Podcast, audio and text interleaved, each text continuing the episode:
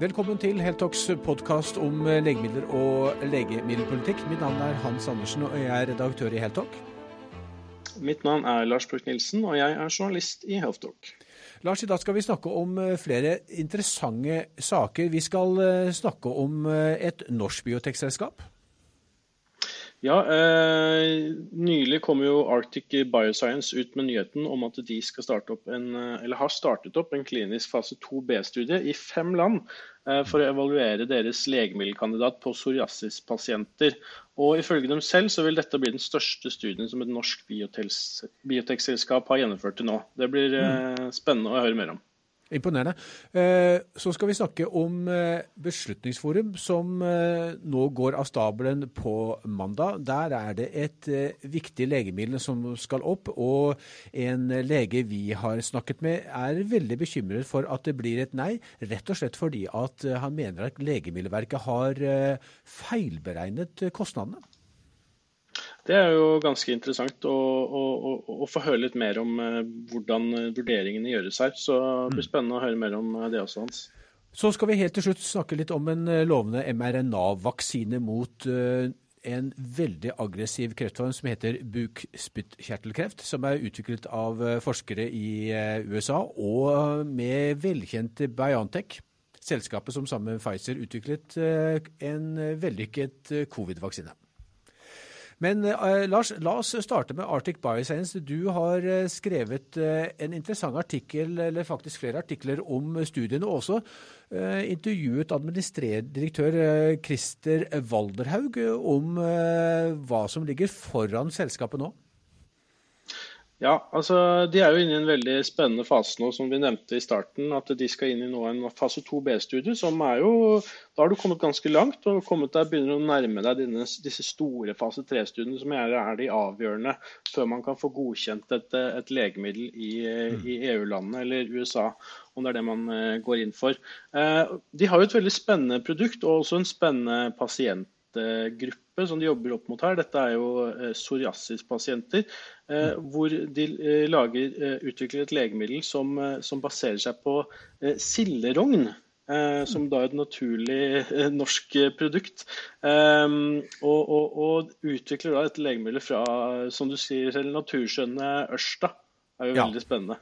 Ja, og der er det nok eh, silderogn, som de da estraherer fiskeolje fra. Det er jo interessant. Og så eh, bruker de det et formular til å behandle psoriasis. Ja, eh, og, det spennende her er jo at disse startet jo egentlig opp som, eh, som et kosttilskuddselskap, og selges jo i dag som eh, silderognekstraktet Romega. Eh, mm. og så er jo det da utviklet, ut, altså Ut ifra dette så har man utviklet tanken om at dette kan også brukes i et faktisk eh, klinisk legemiddel. Eh, hvor man da har kommet eh, langt i utviklingen. Eh, vi kan jo si, vi som har snakket mye om dette med, med biotekbransjen og de utfordringene de er i, så når jeg snakket med Christer Walder her, så sa han jo det at eh, de har vært heldige fikk jo inn de pengene som nå brukes til den studien, mm. eh, i god tid, eh, altså tilbake i 2021, eh, når det kapitalmarkedet for biotekbransjen ikke var så inntørka som mm. det er nå. Så han sa jo det at det, det er penger de er avhengig av nå. Ja, for nå er det knusktørt. Det har vi hatt en podkast med Ingrid Teigland Akai fra Hayden Ventures og Halvard Grønlin fra Invento. Det er vanskelig for mange selskaper. Så der har vestlendingene vært eh, forut for sin tid. Men, men jeg må spørre deg jeg må spørre deg, Lars. altså Indikasjonen som de går for, det er moderat eh, eh, til mild eh, psoriasis. Eh, så finnes det jo, som du var inne på, mye effektiv behandling i form av biologiske legemidler. Og så kommer det nå også, har kommet for en stund tilbake, enda mer avanserte legemidler som heter jakkhemmere. Eh, de retter seg mot eh, en mer alvorlig form for psoriasis, altså fra moderat til alvorlig. Hvorfor har eh, Arctic Bioscience valgt en mildere form for psoriasis?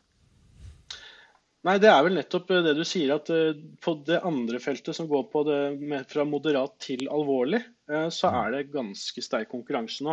Der hvor vi har mange big players innen big pharma-området, altså store selskaper eh, som bl.a. Eh, Abvi, som er store, store, på dette her. Eh, også andre big pharma-selskaper som, som, som, som, satser sterkt. Så, så, det han sier til oss, eh, Christer Valdraug, er jo det at vinneroppskriften her vil jo bli det de sier er naturlige råvarer. Eh, også at en eh, oral formulering, og kanskje det viktigste, at de har en bredere pasientpopulasjon enn det Big Pharma-selskapene sikter seg inn på i dag. Eh, og at mm. dette til sammen vil kunne bli en, en, en, kunne bli en suksess, hvis de da klarer å få dette til, til markedet. Ja, Det blir spennende. 519 pasienter i, i, fem land. Norge, Finland, Tyskland, Polen og Storbritannia også, hvis jeg husker riktig. Eh, skal de kjøre da denne kliniske studien.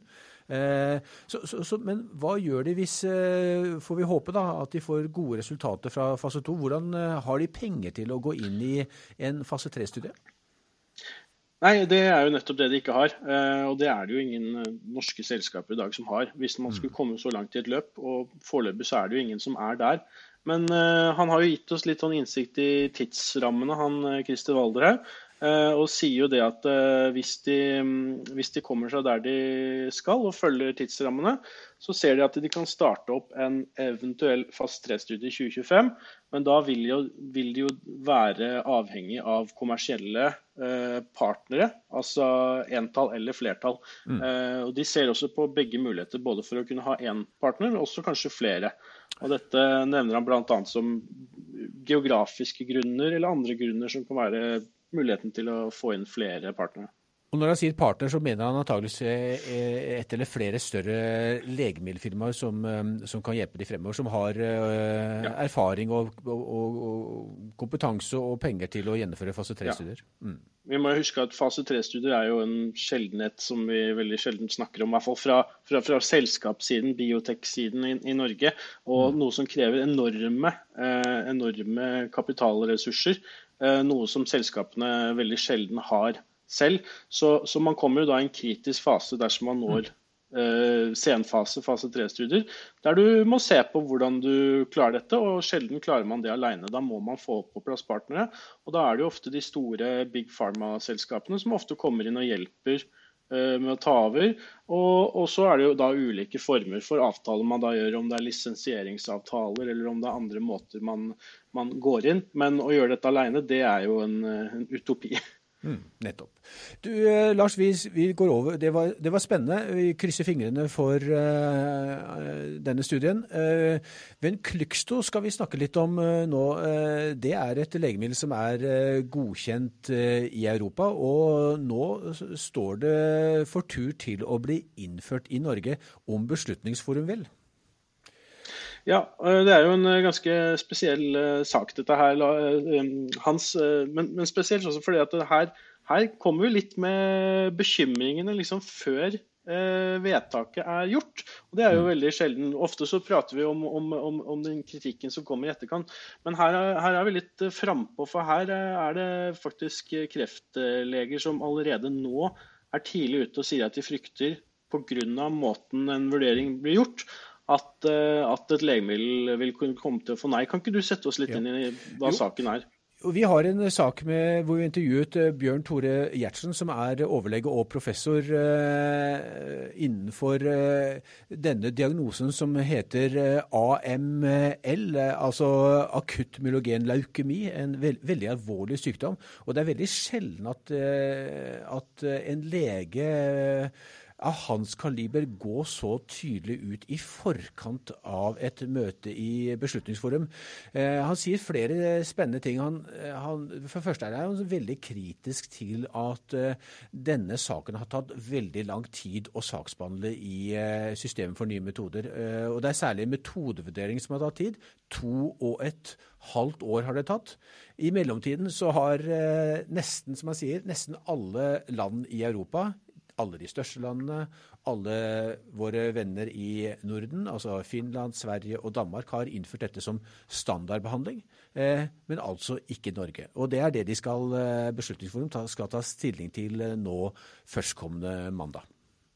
Men han kommer jo med ganske spesifikk kritikk her, bl.a. for på en måte beslutningsgrunnlaget. Mm. Og bl.a. Sier rett ut at han mener at SLV for, fordobler på en måte prisen ja. på hva det faktisk vil koste. Kan ikke du gå litt inn i detaljene på jo. hva det er han mener?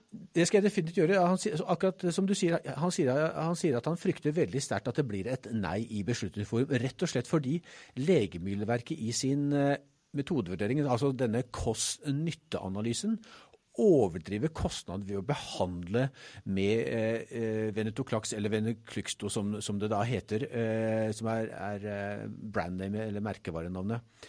Eh, det skyldes rett og slett at eh, Legemiddelverket forutsetter en god del høyere dosering av legemidler, altså 30% høyere enn det som eh, er normalt å gjøre, og en behandlingslengde som er det dobbelte av det som er klinisk praksis i Norge når man anvender dette legemiddelet for andre indikasjoner. Så, så, du kan si at eh, kostnaden til et legemiddel avhenger jo av, av, tre elementer. Det er prisen på legemiddelet, så er det doseringen og behandlingslengden.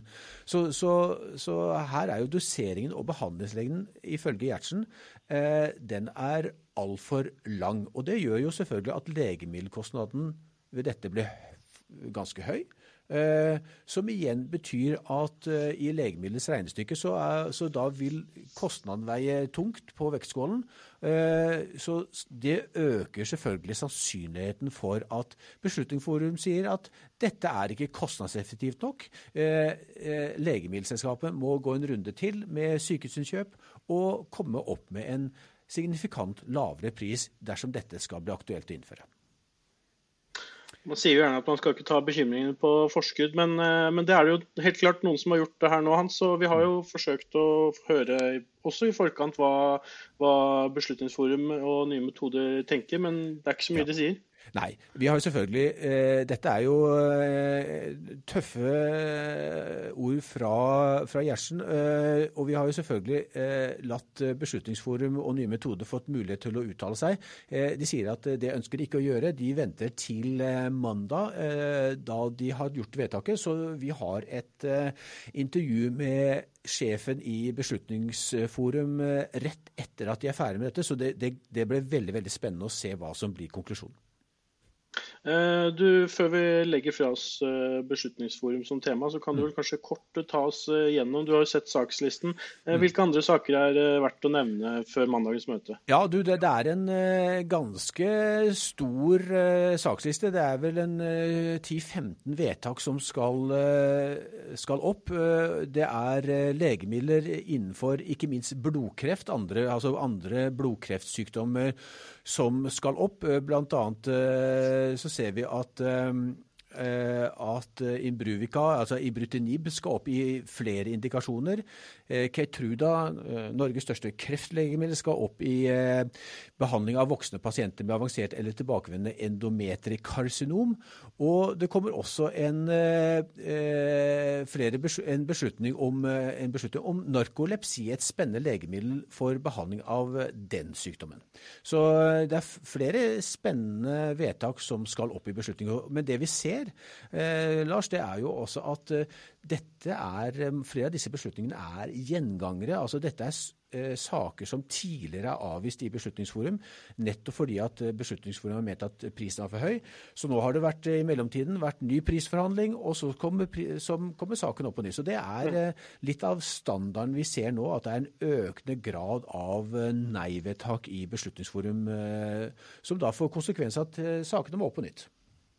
Kan det utgjøre en fare for at eh, jo flere på en måte gjengangersaker det blir, eh, at det kan gå utover de som faktisk skal være helt nye saker som kommer opp? At det kan ta opp plass? Ja, det er, det er, klart at det, det, er jo nødt til å ta oppmerksomheten eh, bort fra systemet fra nye metoder. Og at, eh, at der, dermed blir det mindre eh, intellektuelt spillerom, for å si, bruke det ordet, for eh, nye medisiner. Så du har helt rett i det. Eh, det, det blir istedenfor det som har vært kritisert, at køen hoper seg opp i metodevurderingene, så begynner nå ting, eh, kan det se ut som iallfall, eh, uten at vi skal ta dette være altfor dramatiske, eh, si at det blir, begynner å bli kø i selve sluttvedtaket, altså hos Beslutningsforum, hos de fire direktørene for de regionale helseforetakene. Uh, vi skal hoppe litt videre til siste tema. Mm. mRNA-vaksine var jo et uh, hot topic under koronapandemien uh, mm. som en vaksine mot, mot covid-19. men det vi skal snakke om i dag, det er mRNA-vaksine mot kreft og utviklingen som skjer der. Kan ikke du ta mm. oss litt gjennom hva skjer på det området nå? Ja, altså det er veldig spennende ting som skjer nå innenfor kreftvaksineområdet. Og i dette tilfellet så er det Biontech som vi husker hadde en eh, av Frida Moderna hadde i samarbeid da med Pfizer denne covid-19-vaksinen som, som, fikk oss gjennom pandemien. Og de har brukt denne grunnteknologien til nå å bygge en kreftvaksine for, som, som da skal stimulere kroppens eget immunsystem til å angripe kreftcellene. Og, er, eh, og den effekten er ganske slående, vil jeg si. Dette er en utrolig spennende teknologi som de fleste fikk øynene opp for under pandemien, men som har jo vært en stund eh, tidligere også. Eh, ser du at dette her kan være en virkelig game changer innen, innen kreftbehandling nå fremover? Ja, absolutt. Altså, altså det som er interessant, er jo at det er mange selskaper som nå eh, kommer med kreftvaksiner. Eh, Moderna nevnte jeg. Eh, det er også en, eh, en rekke no, flere norske selskaper, og selvfølgelig andre internasjonale, som eh, kommer med kreftvaksiner eh, i fase 1 og 2. så det er et stykke fra at det kommer på markedet. Men, men dette ser veldig lovende ut. Og det er klart at mRNA-vaksine er en teknologi som eh, i dette tilfellet, hvis vi kan eh, ta, ta det som går på, på, på, denne studien til Biontech, eh, viser seg å ha veldig stor eh, effekt på eh, pankreaskreft, eh, altså kreft i bukspyttkjertelen, som er, ja, det, det, er kanskje mest, en av de mest alvorlige kreftformene man kan få. Ja, Det er utrolig spennende alt som, som, som, skjer her nå. og Vi rekker jo ikke å gå gjennom alt på, på dette, dette området i dag. Nei, jeg kan bare ta fort uh, si hva som er resultatet da, uh, av, av, studien. Altså, det var forskere på Memorial Sloan Kettering Cancer Center i New York uh, som samarbeidet med Biontech. og det, det, var en fase 1-studie hvor det var kun 16 pasienter som deltok, og, og som ble fulgt opp i vel et halvannet år, hvis jeg ikke husker helt feil. Og da var det slik at halvparten av pasientene, altså åtte av pasientene, responderte på vaksinen. Eh, og de har da så langt, så lenge denne studien har pågått, ikke sett at kreften har kommet tilbake. Så det er jo en voldsom effekt på en, eh, en kreftform som eh, som har en uh, bare uh, veldig kort levetid etter diagnostisering. Så det kan borge uh, for en en behandling som vi aldri før har sett innenfor eh, pankreas. Veldig spennende. Jeg regner med det kommer flere oppdateringer fra de selskapene som jobber med dette nå eh, framover. Så det blir et eh, spennende område innen kreftfeltet å, å, å følge framover. Eh, vi kan jo avslutningsvis kanskje gå litt eh, gjennom om det er noen spennende ting på nettsiden vår som eh, våre lesere kan eh, følge nå. Vi skrev bl.a. om denne kreftmedisinen som du snakket om. Denne kan, saken kan dere lese. Mm. Eh, vi skrev også i dag om at, om at de helseforetakene skal stoppe bruken av astmainhalatorer med klimagasser i sykehusene, som vi la på nå rett før vi begynte innspillinga, så den kan jo dere gå og lese. ellers så anbefaler vi dere å bruke forsiden vår og, og gå inn der og finne alle de siste sakene som, som, vi har. Eh, eneste jeg tenker jeg har lyst til å legge til nå, er at nå er det kort tid hans til vi skal dra til ASKO. Eh, som begynner å nærme seg den store, verdens største kreftkongress i Chicago hvor, hvor, vi skal reise. Kan ikke du kort si litt uh, om hva vi skal uh, gjøre der før vi avslutter Jo. Ab absolutt. Vi, du og jeg og uh, vår videofotograf Adrian reiser over og er på plass når kongressen starter 2.6.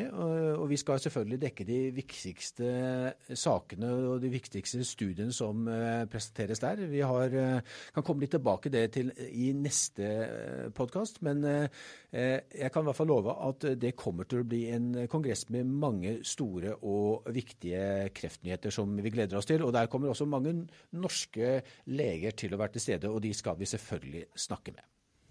Og Vi gjør selvfølgelig et, et, stykke arbeid med å gjøre litt research på forhånd om hva, både hva som rører seg av norsk deltakelse, og også de viktigste studiene. Eh, men eh, hvis det er folk som følger kreftfeltet og har tips til oss om hva vi bør eh, følge med på, så kan dere jo sende oss en e-post på tips at healthdoc.no og kontakte oss der, så skal vi se hva vi kan gjøre med det. Men det er vel det vi rakk for i dag, Hans. Så du får siste ordet som vanlig. Ja, ja. Vi får bare si tusen takk for følget til uh, våre trofaste lyttere. Og gå gjerne inn på, på Spotify, Acast uh, eller der du lytter til podkaster og gi oss en uh, rating, slik at flere får med seg denne podkasten. På gjenhør, kan vi si.